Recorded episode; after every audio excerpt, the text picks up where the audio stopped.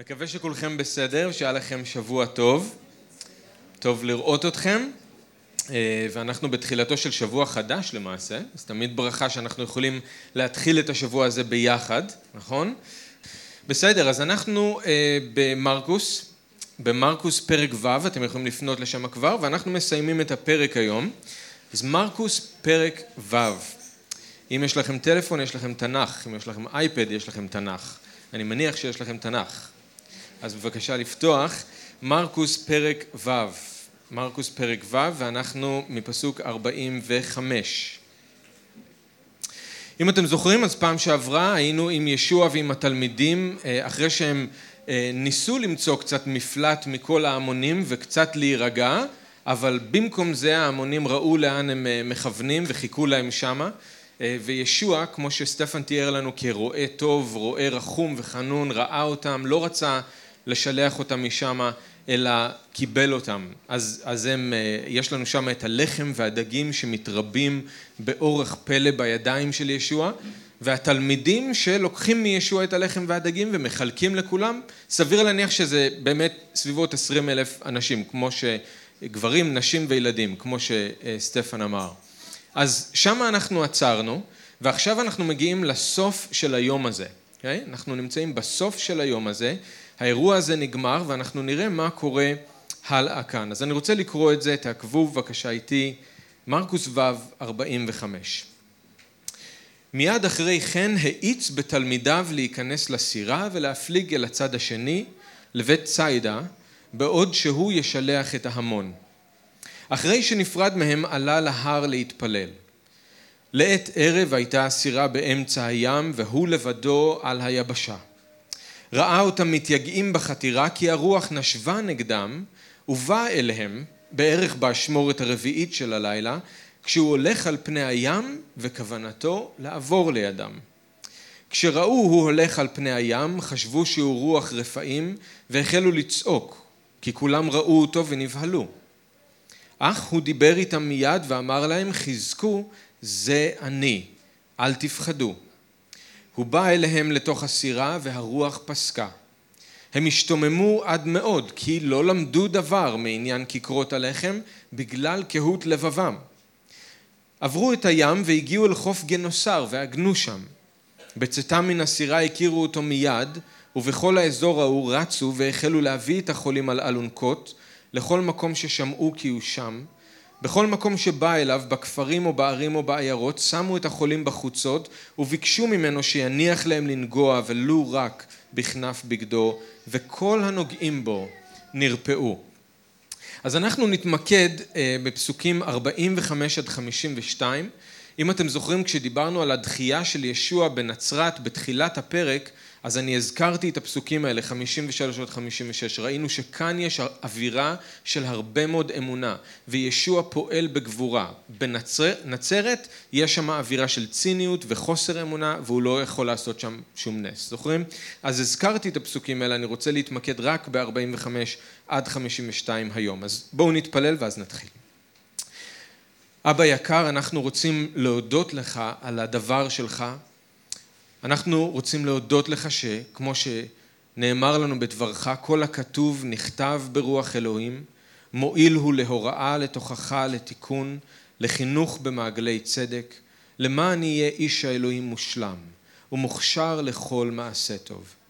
ודברך אומר לנו שאנחנו צריכים לתעב לחלב הזך של הדבר כמו עוללים שזה עתה נולדו. ואדון זה מה שאנחנו מבקשים שאתה תיתן לנו ברגעים האלה שיש לנו ביחד כשאנחנו ניצבים מול האמת של דברך.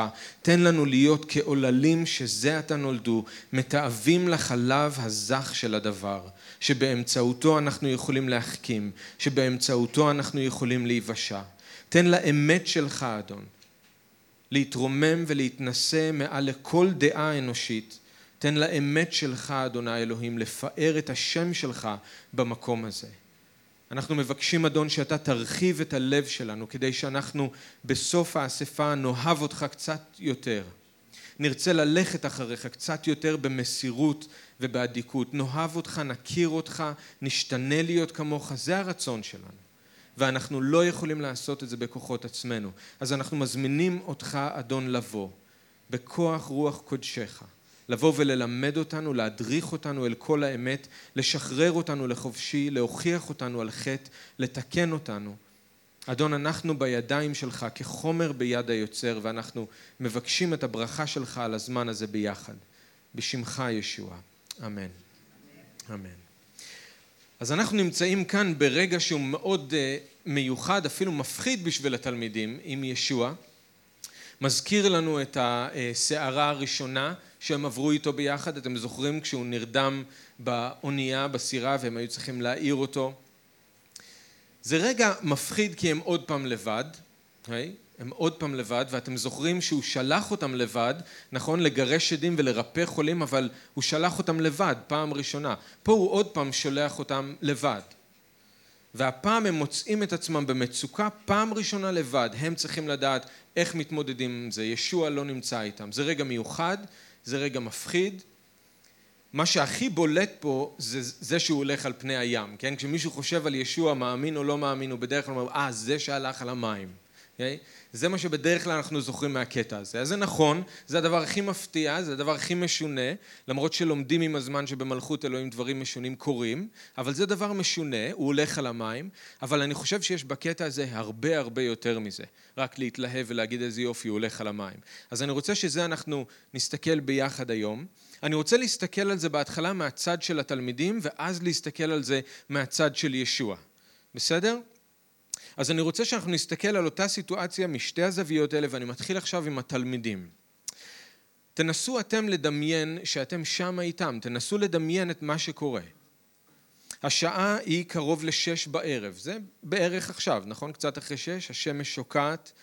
ישוע מתחיל לדחוק בתלמידים שלו, לעזוב את כל מה שהם עושים ומיד להיכנס לסירה ולעבור לצד השני. התלמידים אולי לא מבינים מה הלחץ, ולמה הוא שולח אותם לבד ולא בא יחד איתם, אבל הם עושים מה שהוא אומר להם והם נכנסים לסירה. בסך הכל מדובר בשייט מאוד קצר, זה כנראה מבית ציידה המערבית לבית ציידה המזרחית, משהו מאוד קצר, לאורך החוף. הוא לא אומר להם תעברו לצד השני לחצות את כל האגם, כן? זה לאורך החוף הצפוני. ממש שייט קצר. אז הם חושבים, טוב, שייט קצר, הוא לא צריך להיות איתנו כל רגע, ובטח הוא יבוא לשם ברגל, ואז אנחנו כבר ניפגש. הסירה מתרחקת מהחוף, הם רואים את ישוע מפזר את כל האנשים, אלפי האנשים שאכלו את הלחם והדגים, הוא שולח את כולם הביתה. הם שומעים איך הוא מפציר בכולם ללכת, הם שומעים את הקולות האחרונים נחלשים ככל שהם מתרחקים מהחוף, ואז יש סוף סוף שקט. סוף סוף יש להם רגע לנוח. רגע לעצמם. הם מלאים בחוויות, הם מדברים על כל מה שקרה, איך הם חזרו שוב ושוב לישוע ולקחו מהידיים שלו עוד לחם ועוד דגים ונתנו את זה לכל מי ששמה וזה לא נגמר. הם הסתכלו אולי על 12 הסלים, זוכרים שנשארו 12 סלים? הם אולי הסתכלו על 12, 12 הסלים איתם בסירה ודיברו על איך ישוע דאג גם להם. הם התווכחו אולי על איך זה בדיוק קרה, איך בדיוק הלחם והדגים התרבו בידיים של ישוע, אבל הם לא באמת הגיעו לאיזושהי מסקנה ברורה, ואז באמצע כל הדיבורים פתאום הם שומעים קול של רוח חזקה ואז מתחילים להרגיש את הרוח מכה בפנים שלהם ומכה בסירה, רוח נגדית שבאה פתאום מצפון ומתחילה לדחוק אותם רחוק מהחוף. הם רואים את החוף, הם לא רחוקים מהיעד שלהם, אבל הם נסחפים רחוק יותר ויותר אל אמצע האגם. השיט הקצר והפשוט הזה מאוד מהר הופך להיות מאבק קשה שיימשך כל הלילה. שבע עד שמונה, שמונה עד תשע, תשע עד עשר, עשר עד אחד עשרה, אחד עשרה עד שתים עשרה, שעה אחרי שעה עד שלוש לפנות בוקר. הרוח הולמת בהם בלי הפסקה. והם חותרים והם חותרים נגד, הכוח, נגד הרוח, הם מנסים בכל הכוח להילחם ברוח הזאתי, הם מתאמצים להגיע אל המקום שישוע שלח אותם אליו, אבל הרוח ניצבת בפניהם כמו קיר ולא מאפשרת להם להתקדם, הם נשארים תקועים באמצע האגם. ללא ספק הם נזכרו מה שקרה להם, כמו שאמרנו בפעם שעברה, כשהם היו עם ישוע באמצע הסערה, הם היו בדרך אל האיש עם הליגיון. הם ניסו וניסו ולא הצליחו להתגבר על הרוח וחיכו רגע עד לפני שהם טבעו, זוכרים? ואז הם העירו את ישוע. אז הם העירו את ישוע, שישן לו בשלווה בירכתי הסירה. הוא גער בהם על חוסר אמונתם, הוא גער בסערה, והסערה הפסיקה. אבל עכשיו הוא לא איתם. הוא לא ישן לידם על קר בירכתי הסירה. אי אפשר להעיר אותו. אולי הם חושבים לעצמם, למדנו את הלקח, אם הוא היה עכשיו פה ישן הבנו, אנחנו היינו מעירים אותו מיד. הוא לא שם. הוא לא שם. הם בפעם הראשונה מתמודדים לבד לגמרי עם מצב כזה, ומה הם אמורים לעשות? להמשיך לנסות? להמשיך להתאמץ, או אולי פשוט לוותר ולתת לרוח לסחוף אותם לאיזה אי, או לאיזה חוף? מה הם אמורים לעשות? מה אתם הייתם עושים אם אתם הייתם בסירה עם התלמידים? מה היה הכי קשה לכם בסיטואציה הזאת? מה היה גורם לכם להרים ידיים ולוותר? התשישות הפיזית? התשישות הנפשית? אולי כל מיני מחשבות שעולות בראש? ישוע כנראה עשה טעות שהוא שלח אותנו לכאן. הוא מצפה מאיתנו ליותר מדי, אנחנו לא יכולים להתמודד עם משהו כזה לבד. למה אנחנו בצרה הזאת אם עשינו מה שהוא אמר לנו? הציות הפך לסיוט מבחינתם. למה הוא הפקיר אותנו והוא עזב אותנו לבד? כל המחשבות האלה יכול להיות שהיו רצות לנו בראש אם היינו שם איתם. עכשיו קיפה ואנדרי ויעקב ויוחנן וכל השאר הם אנשים בדיוק כמוני, כמונו עם חולשות בדיוק כמונו. וללא ספק הם התמודדו עם הפיתוי הזה להרים ידיים ולוותר. או להטיל ספק ביכולת של ישוע לדאוג להם. אבל הפלא והיופי בסיפור הזה זה שהם לא ויתרו. הם לא ויתרו. הם התייגעו אפילו התייסרו בחתירה נגד הרוח במשך תשע שעות רצופות היו מוכנים להגיע לאפיסת כוחות פיזית ונפשית, אבל ויתור מבחינתם לא היה אופציה. למה? כי הקול של ישוע הדהד כל הזמן בראש שלהם. עברו בסירה אל הצד השני, אל בציידה. כל הזמן הם שמעו את הקול של ישוע שאומר להם מה לעשות. הוא האדון שלהם. המצווה שלו בשבילם היא חיים. הם למדו שהוא לעולם לא טועה. שהוא תמיד טוב, שהוא תמיד חכם, וגם אם הם לא מבינים מה הוא עושה, הם למדו שהדבר שלו הוא סלע והדבר שלו אמת.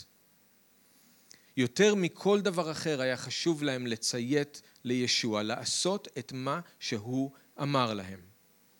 הם, הם העדיפו למות בניסיון להגיע לצד השני מאשר לוותר ולתת לרוח לסחוף אותם לאיזה חוף. עכשיו, האם אתם מזהים, אני שואל גם את עצמי, האם אנחנו מזהים את הנחישות הזאת שהייתה אצל התלמידים לציית לישוע בכל מחיר? האם אתם מזהים אצלכם את הנחישות הזאת לציית לישוע בכל מחיר? האם הקול של ישוע מהדהד גם בראש שלנו, כשאנחנו יודעים שאנחנו בכיוון הנכון, אבל הרוח נושבת נגדנו? אנחנו מתייגעים בניסיון לעשות את מה שהוא אמר, כן? מה אנחנו עושים? מה אנחנו עושים כשהרוח נושבת נגדנו בזמן שאנחנו מנסים לאהוב את האויבים שלנו? מה אנחנו עושים אם הרוח נושבת נגדנו בזמן שאנחנו מתאמצים להפנות את הלחי השנייה? מה אנחנו עושים? אנחנו בוחרים להשפיל את עצמנו ולא לרומם. כל המצוות של ישוע. מה אנחנו עושים כשיש כזאת התנגדות? אנחנו יודעים שאנחנו בכיוון הנכון, אנחנו יודעים שאנחנו עושים את מה שהוא אמר לנו לעשות, ואנחנו נתקלים בקיר. מה אנחנו עושים? מתייגעים בחתירה נגד הרוח, מנסים להגיע לצד השני, או מוותרים ונותנים לרוח לסחוף אותנו לאיזה חוף. אל נא ירפו ידינו בעשיית הטוב, בבוא העת נקצור אם לא נרפה. זוכרים? אבל זה קשה. גם נחמיה, כשכל ההתקפות באו עליו מבפנים ומבחוץ, יש לו תפילה קצרה כל כך יפה לאלוהים, הוא אומר, אתה חזק את ידיי. כל כך יפה, אתה חזק את ידיי. זה קל להגיד אל ירפו ידינו בעשיית הטוב, אבל זה קשה. כשאנחנו יודעים שאנחנו עושים את מה שאנחנו אמורים לעשות ואנחנו נתקלים בכזאת התנגדות. אז הנחישות של התלמידים לציית לישוע מעוררת השראה, אבל האמת היא שהם לא עושים את זה בכוחות עצמם. האמת היא שהתלמידים לא לבד. וכאן אני רוצה להסתכל על זה רגע מהצד של ישוע. בסדר? איפה ישוע בזמן שכל זה קורה? איפה הוא נמצא בזמן שהתלמידים שלו נאבקים ברוח הזאת כל הלילה? מנסים כל כך בנחישות לעשות את מה שהוא אמר. האם הוא עזב אותם? זאת השאלה. בואו נראה. אחרי שישוע שלח את התלמידים שלו בסירה, הוא ציווה עליהם לעבור לצד השני. אחרי שהוא פיזר את ההמונים, שלח את כולם הביתה. לא כתוב לנו שהוא נכנס לאחד הבתים לאכול ארוחת ערב. למרות שבטוח היו כאלה שהיו מוכנים לארח אותו, וסביר להניח שגם הזמינו אותו. בוא אלינו הביתה. לא היה מצב כזה שהוא הלך לאחד הבתים לאכול ארוחת ערב. ודרך אגב, ישוע הוא היחיד שלא אכל בכל הסיפור הזה של הלחם והדגים. זה, הוא נתן לכולם את האוכל, הוא עצמו לא כתוב שהוא אכל. גם לא כתוב שהוא מצא לו איזושהי פינה לשים את הראש והלך לישון, למרות שהוא ללא ספק היה עייף. לא כתוב שהוא התחיל להתקדם ביבשה אל בציידה לפגוש את התלמידים שלו, למרות שזה בטח מה שהם חשבו שהוא יעשה. בפסוק 46 כתוב לנו ככה, אחרי שהוא נפרד מהם, הוא עלה להר להתפלל. הוא לא הלך לאכול, הוא לא הלך לישון, הוא גם לא הלך לפגוש אותם, הוא עלה להר להתפלל. שלוש פעמים מרקוס אומר לנו שישוע הולך לבד ומתפלל. אנחנו יודעים מהבשורות האחרות שהיו עוד זמנים כאלה, אבל במרקוס יש שלוש פעמים כאלה. בפרק א', 35, אנחנו רואים שהוא קם מוקדם בבוקר אחרי יום עמוס בכפר נחום, הוא קם כדי להתפלל. כאן בקטע שלנו אנחנו רואים שהוא מתפלל כל הלילה בזמן שהתלמידים במצוקה. בפרק י"ד אנחנו נראה אותו מתפלל בגת שמנים, ממש לפני שהוא מוסגר והולך לצלב. שלוש פעמים מרקוס אומר שהוא התפלל לבד.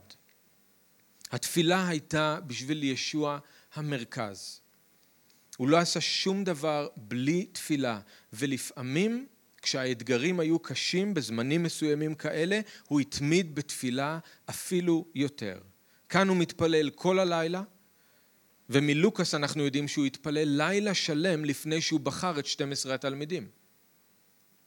כשהיו לו אתגרים מיוחדים, קשים במיוחד, או דברים קשים או מאתגרים שהוא היה צריך לעשות, הוא התמיד בתפילה אפילו יותר.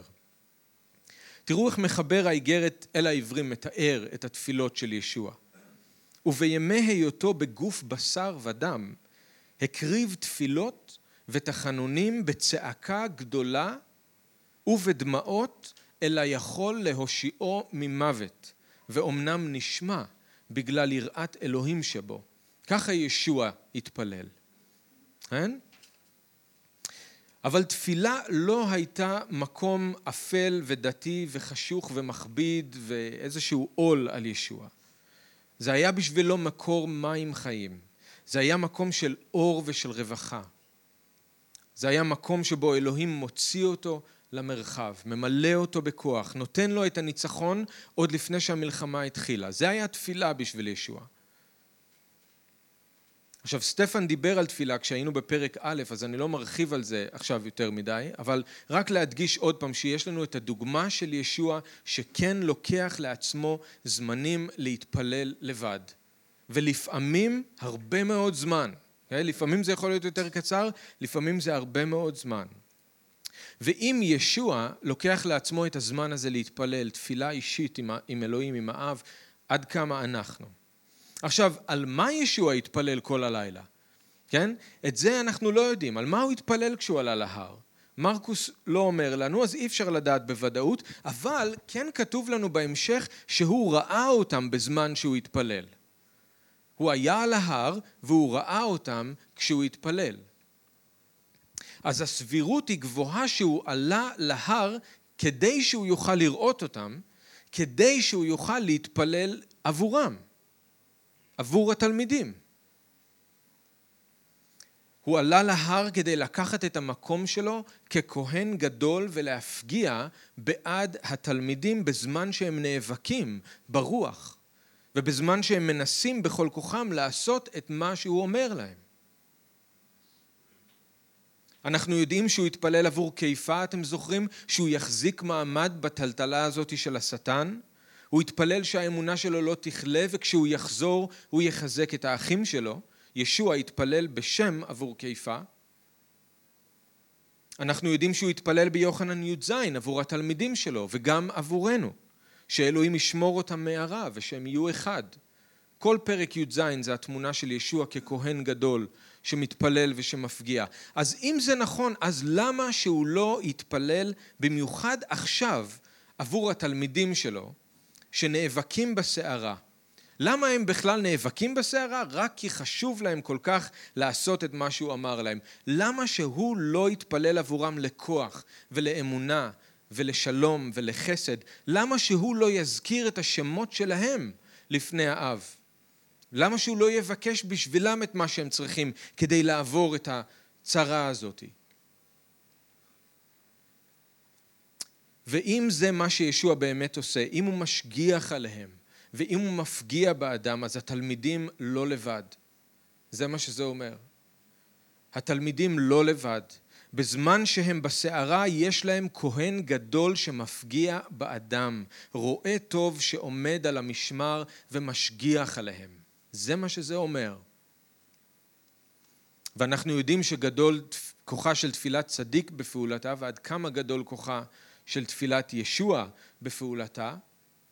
כן? קיפה לא איבד את האמונה שלו בגלל שישוע התפלל בשבילו. הוא חזר וחיזק את האחים שלו כי ישוע התפלל בשבילו. וגם כאן התלמידים לא ויתרו בתוך הסערה, למרות הקושי, כי ישוע נשא אותם בתפילה לפני האב, לא כי היה בהם משהו מיוחד. התפילה של ישוע נתנה להם כוח, התפילה של ישוע שמרה עליהם. וזה מה שהוא עושה איתכם, זה מה שהוא עושה איתי. וזה אנחנו חייבים לזכור. כשאנחנו מתייגעים בחתירה, כשאנחנו מתאמצים לעשות את מה שהוא אמר, וזה מרגיש כאילו כל העולם נגדנו, אנחנו מנסים עם כל הכוח לעשות את מה שישוע אומר לנו, וזה מרגיש כאילו כל העולם נגדנו. ישוע מתפלל עבורנו. בזמן שאנחנו נאבקים, הוא מתפלל בשבילנו. כל הזמן. בגלל זה אנחנו לא מוותרים.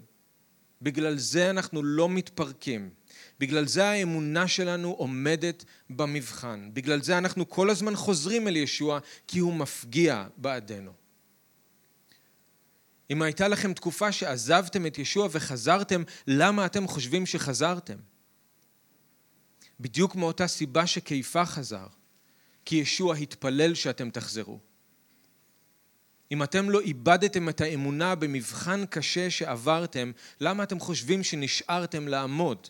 כי ישוע התפלל בשבילכם. בגלל זה נשארתם. בגלל זה האמונה שלכם עומדת במבחן. בגלל זה התלמידים גם לא מוותרים וממשיכים הלאה, כי ישוע מתפלל בשבילם. בישעיהו נ"ג 12, אתם זוכרים שנאמר על ישוע שהוא חטא רבים נשא ולפושעים יפגיע. הוא מתפלל בשביל הפושעים. ברומים ח' 34 כתוב שישוע מת וקם לתחייה ותקשיבו, הוא נמצא עכשיו לימין האב ומפגיע בעדנו. אנחנו לא מספיק חושבים על זה. אנחנו לא מספיק חושבים על זה שעכשיו ישוע נמצא לימין האב והוא מפגיע בעדנו ככהן גדול, הוא מזכיר את השם שלנו לפני האב, הוא מבקש בשבילנו בדיוק את מה שאנחנו צריכים, כדי שהאמונה שלנו לא תימות, כדי שאנחנו נעבור כל מבחן, כדי שאנחנו נישא פרי, הוא מתפלל בשבילנו כל הזמן. באל העברים פרק ז' כתוב שלישוע יש כהונה שאינה עוברת, הוא יכול להושיע לנצח את הבאים לאלוהים דרכו, למה? כי חי הוא תמיד להפגיע באדם. ישוע חי לעולם ומה שהוא עושה זה הוא מתפלל, הוא מפגיע. כל הזמן הוא מפגיע, כל הזמן הוא מתפלל והתפילות שלו הם המקור של הכוח שלנו. ישוע בא להיות מלך ומושיע אבל הוא גם בא להיות כהן. וכשאנחנו מוקפים חולשה ולא מסוגלים יותר להחזיק מעמד, מי שנושא אותנו, מי שמחזק אותנו יום ולילה זה ישוע. הוא מביא אותנו לפני כס החסד. הוא מבקש בשבילנו את מה שאנחנו צריכים כדי לעשות את רצון אלוהים. אנחנו אף פעם לא לבד. גם אם נראה שאנחנו לבד, אנחנו אף פעם לא לבד. הוא תמיד פועל בנו ותמיד פועל דרכנו. אז ישוע לא נטש את התלמידים שלו, להפך, הוא כנראה עומד בתפילה עבורם כל הלילה. וכאן זה מעלה איזושהי שאלה, אני לא יודע מה איתכם, אבל זה, אני חושב שזה מעלה איזושהי שאלה. למה להתפלל בשבילם כל הלילה, במקום פשוט להשתיק את הסערה? כן? תפילה זה מצוין, זה נורא נחמד שישוע מתפלל, אבל האם לא היה יותר טוב פשוט להשתיק את הסערה מלכתחילה? במקום לעמוד תשע שעות על ההר ולהסתכל על התלמידים מתייגעים ומתייגעים ומתייגעים ומתייגעים ועוברת עוד שעה ועוד שעה ועוד שעה וישוע יכול לצוות מההר על הסערה הזאת להיפסק והוא לא עושה את זה. למה? אז אני חושב שהייתה מטרה כאן לישוע במה שהוא עשה. ואני תכף אגיד על זה משהו. מה עוד ישוע עושה חוץ מלהתפלל? שימו לב, הוא רואה אותם, כתוב לנו, תסתכלו בפסוקים, הוא רואה אותם, ואז הוא בא אליהם, ואז הוא מחזק אותם. ישוע רואה אותם, ואז הוא בא אליהם, ואז הוא מחזק אותם. הוא לא רק מתפלל. זה קצת מזכיר את אה, איך שאלוהים מסתכל על עם ישראל בסבל שלו במצרים, נכון? ויאמר אדוני ראו ראיתי את עוני עמי אשר במצרים, את צעקתם שמעתי מפני נוגסיו, כי ידעתי את מכאוביו, וארד להצילו מיד מצרים. הוא רואה, הוא שומע, הוא יודע, והוא בא להציל. זה כל כך יפה שכתוב שהוא רואה אותם מתייגעים בחתירה כי הרוח נושבת נגדם. זה כל כך יפה שכתוב שהוא רואה אותם. כן, לא שהוא יודע וזה לא שהוא רק מבין או מרגיש, אלא הוא רואה. ויש משהו כל כך מנחם בזה שהוא עומד על ההר והוא רואה אותם מתייגעים בחתירה. כמו רועה שעומד ומשגיח על העדר שלו. לא ינום ולא יישן שומר ישראל, תמיד העין שלו עליהם. כמו שישוע אמר לנתנאל, אני ראיתי אותך תחת עץ התאנה. או כמו שישוע ראה את הפרוטה שהאלמנה, או שתי הפרוטות שהאלמנה שמה בתיבה. או ההבטחה שאבינו שבשמיים רואה אותנו במסתרים וגומל לנו. יש לנו אלוהים שרואה. יש לנו אלוהים שרואה. ישוע ראה את התלמידים שלו במאבק שלהם, הוא ראה שהם לא ויתרו, הוא ראה שהם מתאמצים, הוא, ראה שהם מנסים כל הלילה להתקדם למרות הקושי, וככה הוא רואה גם אותנו. אל תחשבו שכל המאבקים שלכם נעלמו מעיניו של אלוהים. הוא לא רואה את המאבקים שלכם, הוא רואה. הוא רואה. אל תחשבו שכל המעשים הטובים שאתם עושים נעלמו מעיניו של אלוהים, גם את זה הוא רואה. יש לנו אלוהים שרואה כל דבר גדול, כל דבר קטן, הוא רואה את הסבל, הוא רואה את המאמץ, הוא רואה את הכישלונות, הוא רואה את ההצלחות, הוא כל הזמן רואה. ואז כתוב שהוא לא רק רואה, אלא שהוא בא אליהם. הוא בא אליהם בערך באשמורת הרביעית של הלילה כשהוא הולך על פני הים וכוונתו לעבור לידם. הוא ראה אותם, הוא בא אליהם, הוא לא השאיר אותם לבד, הוא לא נשאר מרחוק, יש לנו אלוהים שרואה אותנו ובסוף גם בא אלינו, אבל הוא בא אליהם באשמורת הרביעית. הרומאים היו מחלקים את הלילה לארבע אשמורות, וזה היה משש בערב עד שש בבוקר, וכשישוע בא אליהם זה היה מתישהו בין שלוש לשש בבוקר. אז למה ישוע חיכה עד האשמורת הרביעית, כן? מה שאנחנו שאלנו, למה? הוא היה יכול מלכתחילה כבר לחסל את הסערה הזאת, למה לחכות עד האשמורת הרביעית? אז זה אותו דבר כמו שאנחנו יכולים לשאול, למה ישוע חיכה ארבעה ימים אחרי שאלעזר מת? למה הוא חיכה? למה ישוע הרבה פעמים מחכה עד לרגע האחרון? או עד שאפסה כבר התקווה לפני שהוא בא לעזור? אז אני רוצה להעיר על זה משהו. למה לחכות עד שלוש בבוקר? ולמה בכלל האירוע הזה? מה המטרה? תחשבו על זה. הרי הם לא הצליחו להתגבר על הרוח בכוחות עצמם, הם לא הצליחו להגיע לצד השני, לאן שהם היו אמורים להגיע, וגם כשישוע בא אליהם לתוך הסירה, הם בסוף לא הגיעו לבית ציידה, אלא לגנוסר. זה אומר לי שהמטרה בכלל לא הייתה להגיע לבית ציידה. יש משהו אחר שישוע ניסה לעשות בכל הלילה הארוך הזה. אז יש כמה סיבות, אני רק רוצה לדבר על אחת, רק לציין אחת. אבל זה חשוב שאנחנו נזכור, במיוחד שאנחנו מוצאים את עצמנו בתוך ניסיונות שלכאורה לא יוצא מהם כלום, זמנים קשים שלכאורה לא יוצא מהם כלום, חוץ מזה שאנחנו מתייגעים בניסיון לעשות את רצון אלוהים ומחזיקים מעמד עד שלבסוף אלוהים בא ומחלץ אותנו מהמצב והשערה שוכחת. מה אנחנו עושים במצבים כאלה? זה לא מצבים שיש בהם ניצחון משמעותי או איזשהו הישג גדול, נכון? אלא פשוט מאבק קשה שנמשך ונמשך ונמשך. ואנחנו שואלים את עצמנו מה היה הטעם אחרי שהכל עובר? מה היה הטעם? למה כל זה היה נחוץ? אלוהים הרי היה יכול למנוע את כל הקושי הזה מלכתחילה. למה הוא נותן לזה להימשך כל כך הרבה זמן? למה לבוא רק בשלוש בבוקר? הסיבה העיקרית שאני רוצה לציין, ויש עוד, זה זה. המאבק הממושך הזה, הוא מלמד אותנו לראות את המגבלות שלנו. המאבק הממושך מלמד אותנו לראות את המגבלות שלנו. והוא מחדש בנו רוח של ענווה ותלות באדון. כמו התלמידים אנחנו מנסים בכל כוחנו להילחם ולהיאבק. אנחנו נותנים את כל מה שיש לנו. וכשאנחנו רואים שכל מה שיש לנו לא מספיק, אז אנחנו נכנעים מחדש בענווה לפני האדון. אנחנו מבינים שאנחנו לא יכולים לעשות שום דבר בלעדיו, שאנחנו לא חזקים כמו שחשבנו. התלמידים לכאורה נכשלו במשימה שישוע שלח אותם אליה.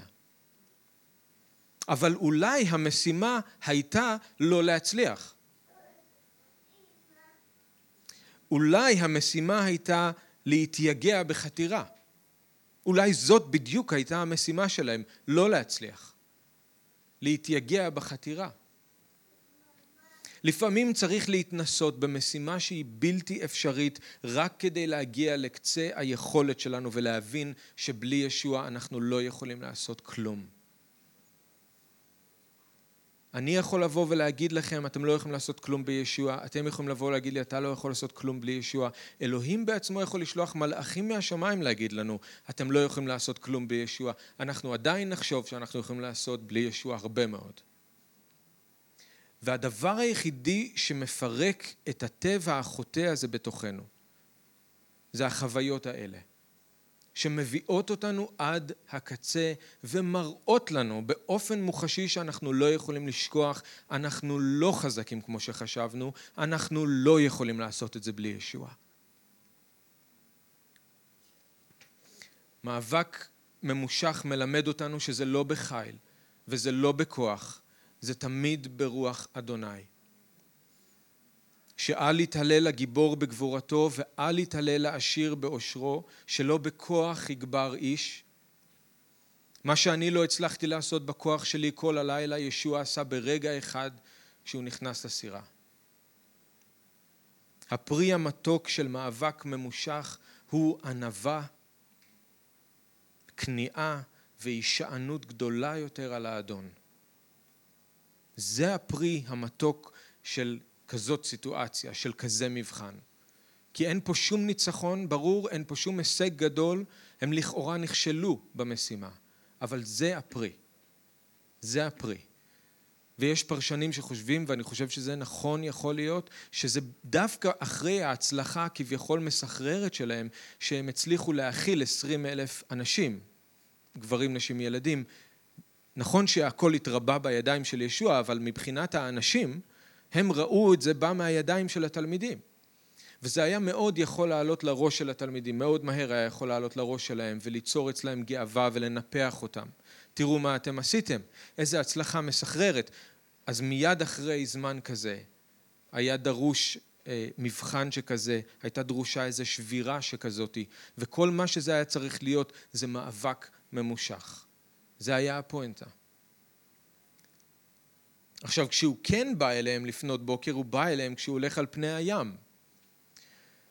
למה? הוא היה יכול להשקיט את הרוח מרחוק, כמו שאמרנו, הוא היה יכול פשוט להופיע בסירה, למה להתהלך על פני המים?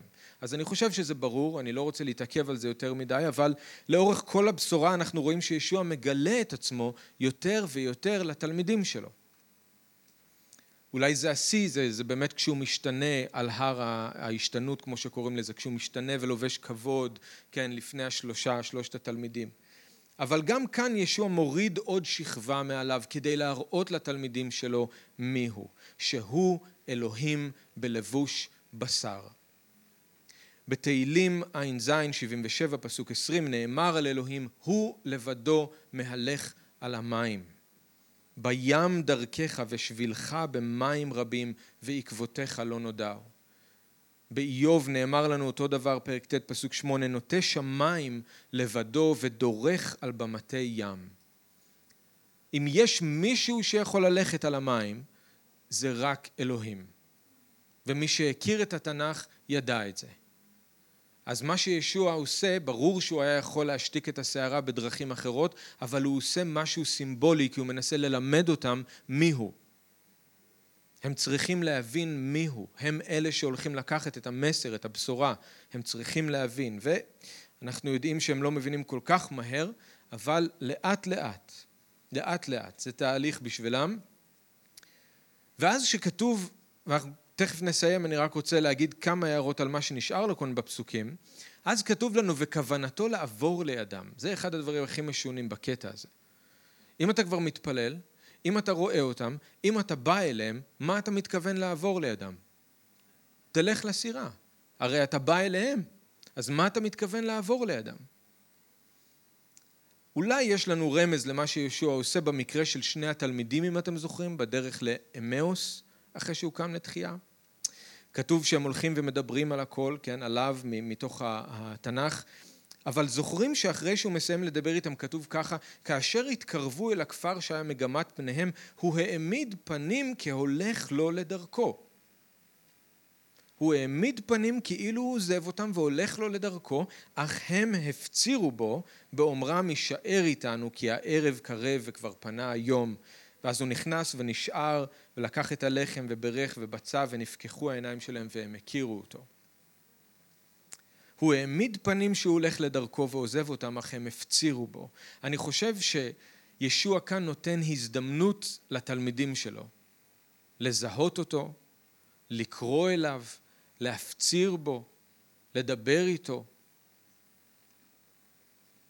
אז הוא לא בא אל תוך הסירה מיד, ואני חושב שזה ככה לפעמים גם איתנו.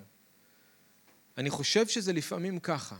אלוהים מראה את הנוכחות שלו רק קצת, מספיק, כדי לגרום לנו לרצות לדרוש את הפנים שלו יותר ולחפש אותו. אבל זה תלוי בנו. אז הוא גם כאן לדעתי נותן את ההזדמנות הזאת לתלמידים שלו. מה תעשו עם זה שאני עכשיו נמצא כאן מולכם? אתם מזהים אותי? אתם מכירים אותי? אתם רוצים להפציר בי? אתם רוצים לבקש ממני? מה תעשו עם זה שאני עכשיו כאן? בזה שהוא לא בא ישירות על הסירה, הוא משאיר לתלמידים את ההזדמנות להגיב. בסדר? זה מה שאני חושב שקורה כאן. התגובה של התלמידים, כשהם ראו אותו הולך על פני המים, הם בכלל לא זיהו אותו, הם חשבו שהוא רוח רפאים וכולם התחילו לצעוק כי כולם ראו אותו ונבהלו. מילא אם בן אדם אחד היה רואה אז הם אומרים אתה הוזה, אבל כולם ראו אותו וזה הבהיל אותם, כי הם הבינו שיש פה משהו אמיתי, אבל הם חשבו שזה רוח רפאים. הם לא זיהו את ישוע. הוא עומד מול העיניים שלהם, הולך על הים לקראתם, והם לא זיהו אותו. יש פחד ובהלה וצעקות בסירה. כולם רואים משהו, אף אחד לא מזהה שזה ישוע. וזה עצוב, כי הם לא מעלים על דעתם אפילו את האפשרות שהוא יבוא לעזרתם, הם לא מעלים על דעתם את האפשרות שהוא ילך על המים. וברור שהם לא היו צריכים להגיב ככה, וזה היה הרבה יותר טוב אם הם היו מגיבים בשמחה, כשהם רואים את ישוע, איזה יופי, באת לעזרתנו, לא שכחת מאיתנו, בוא אל הסירה, תעזור לנו. במקום זה פחד, בהלה, הם לא מכירים אותו, הם לא מזהים אותו. אבל אני חושב שצריך לזכור עד כמה הם עייפים, עד כמה הם מרגישים חסרי אונים, תשע שעות של חתירה, אנחנו יכולים לתת להם קצת קרדיט, וצריך לשים, לשים לב שגם ישוע לא גוער בהם, הוא לא גוער בהם כמו שהוא עשה אז, בסערה הראשונה. להפך, הוא מחזק אותם, הוא לא גוער בהם. מרקוס אומר לנו מה הייתה הבעיה שלהם, הבעיה שלהם הייתה שהם לא למדו דבר מעניין כיכרות הלחם בגלל קהות לבבם.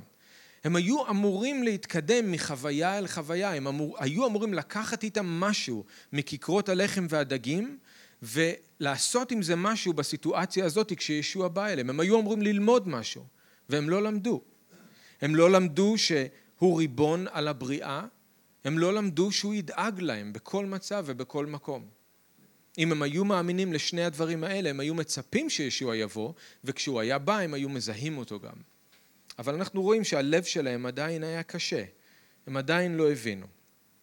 אבל למרות הכישלון ישוע לא גער בהם, זה כל כך יפה שהוא בא והוא מחזק אותם. הוא דיבר איתם מיד ואמר להם חזקו זה אני, אל תפחדו. הוא בא אליהם אל תוך הסירה והרוח פסקה. ואני חושב שהתלמידים כל כך שמחו לשמוע את הקול של האדון שלהם אומר להם, חזקו זה אני, אל תפחדו. וכמוהם גם אנחנו, נכון? אחרי מאבק ממושך, אחרי שהתאמצנו לעשות את מה שישוע אמר לנו לעשות ונתקלנו בקיר ומרגיש שכל העולם נגדנו, יש רגע שבו אנחנו שומעים את הדבר של האדון והדבר שלו בא והדבר שלו מחזק אותנו ומוציא אותנו שוב מהחושך אל האור ופורץ בשבילנו דרך, מעודד אותנו, ממלא אותנו באמונה. ואני חושב רק על שאול למשל. שלוש פעמים הוא ביקש מהאדון שיסיר ממנו את הקוץ בבשר. הוא התחנן והתחנן והתחנן, עד שהדבר של האדון בא אליו וחיזק אותו. והוא אמר לו, די לך בחסדי, כי בחולשה תושלם גבורתי. הדבר של האדון בא בדיוק בזמן, ונתן לו את הכוח שהוא היה צריך כדי להמשיך הלאה ולהתמודד עם הקושי הזה, וככה זה גם איתנו. אנחנו צריכים להחזיק מעמד, למרות המאבק הקשה, כמו שהתלמידים הרגישו לבד, כן, הם חשבו שישוע נטש אותם, אבל גם הם היו צריכים ללמוד את השיעור הזה, שישוע תמיד איתם, הוא התפלל, הוא ראה, ובזמן הנכון הוא בא והוא חיזק אותם. וכזה הוא ישוע עבור התלמידים, וכזה הוא ישוע עדיין היום בשבילנו. יכול להיות שאתם עוברים זמן כזה, שאתם לא מבינים למה אם אתם עושים את הרצון של אלוהים, יש כזאת התנגדות בחיים שלכם, והמאבק הזה נמשך ונמשך ונמשך ונמשך שעה אחרי שעה ויום אחרי יום, תדעו שאתם לא לבד, שישוע רואה אתכם, והוא רואה את המאבקים שלכם, והוא מתפלל בשבילכם, ובגלל שהוא מתפלל בשבילכם האמונה שלכם לא תכלה, ואתם תחזיקו מעמד, והרגע יבוא שהוא גם יבוא אליכם, והוא גם ידבר אליכם, הוא יחזק אתכם, והוא ייכנס אל תוך הסירה והסערה תחלוף. אז תחזיקו מעמד. זה מה שהתלמידים היו צריכים ללמוד. גם כשנראה שהם לבד, הם לא לבד. אמן? אז שבוע הבא אנחנו נמשיך עם אה, ישוע ועם התלמידים בגינוסר, ואנחנו אה, נקפוץ ישר אל תוך האש עם הפרושים והסופרים שמתנגדים לו כל כך. בסדר? אז בואו נתפלל. אבא, אנחנו רוצים להודות לך על הטוב שלך בחיינו, אנחנו רוצים להודות לך שאתה לא משאיר אותנו לבד, אנחנו רוצים להודות לך, ישוע, שאתה לא רק האדון שלנו ורק המושיע ורק המלך, אתה גם הכהן הגדול שלנו, שמפגיע בעדנו ממש עכשיו. ואדון, אני מתפלל בשביל כל מי שכאן היום, כל אחד וכל אחת שיצאו מכאן היום עם אמונה מחודשת בך ככהן גדול שיכול לשאת אותם גם כשהם לא יכולים לשאת כבר את עצמם. אני מתפלל בשביל כל מי שכאן שמרגיש שהוא כל הזמן מנסה לחתור והרוח נושבת נגדו או נגדה, שאתה תיתן להם את הכוח שהם צריכים ממש ברגעים האלה להחזיק מעמד, להאמין בך, לדעת שבזמן הנכון אתה תבוא ואתה תחזק אותם, ושלאורך כל המבחן הזה אתה רואה אותם, והמאבק שלהם לא נעלם מעיניך. אדון, אנחנו רוצים לצאת מכאן עם הבנה ברורה יותר, שאתה ריבון על הכל ושאתה תמיד תמיד תדאג לילדים שלך. אנחנו מבקשים, אדון, שתחזק אותנו. מבקשים, אדון, שתרחיב את ליבנו, שנאמין בך יותר. אנחנו מודים לך על הדוגמה שיש לנו בתלמידים ובמה שהם עברו. ואנחנו מבקשים שתעזור לנו אם אנחנו נמצא את עצמנו באותו מצב. בשם ישוע.